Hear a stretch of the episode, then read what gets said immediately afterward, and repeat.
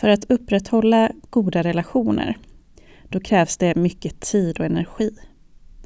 Oavsett om det handlar om en romantisk relation eller en vänskapsrelation. Samtidigt är det väldigt lätt att hamna i fällan då du endast fokuserar på sådant som irriterar dig hos den andra personen. Det är såklart naturligt att det blir så när vi kommer närmare varandra. Men om du helt slutar att försöka uppmärksamma det som gör att du tycker om personen, då ökar ju risken för att relationen inte kommer hålla i längden. I tidigare övningsavsnitt har du fått möjlighet att ta reda på dina personliga styrkor. I dagens övning ska den komma till användning tillsammans med någon i din närhet. Det är dags att börja uppmärksamma varandras goda egenskaper. Så börja med att välja ut en person som du ska göra den här övningen med. Kanske din partner, en vän eller en familjemedlem. Först och främst ska ni ta reda på varandras styrkor.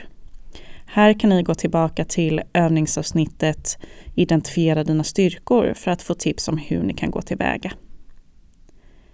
När ni har identifierat era styrkor ska ni tillsammans försöka hitta på en aktivitet där båda får använda minst en av era styrkor.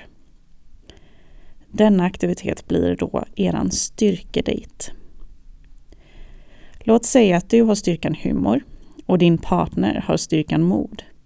Då skulle ni kunna boka in en tid då ni ska testa på improvisationsteater tillsammans.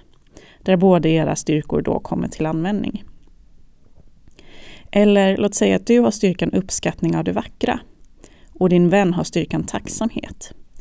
Då skulle ni kunna planera in en promenad i ett område som ni inte har varit i innan för att tillsammans upptäcka naturen och därigenom då uppleva tacksamhet och förundran. Så börja med att ta reda på varandras styrkor och försök sedan planera in en, eller varför inte flera dejter, då ni aktivt får använda era styrkor.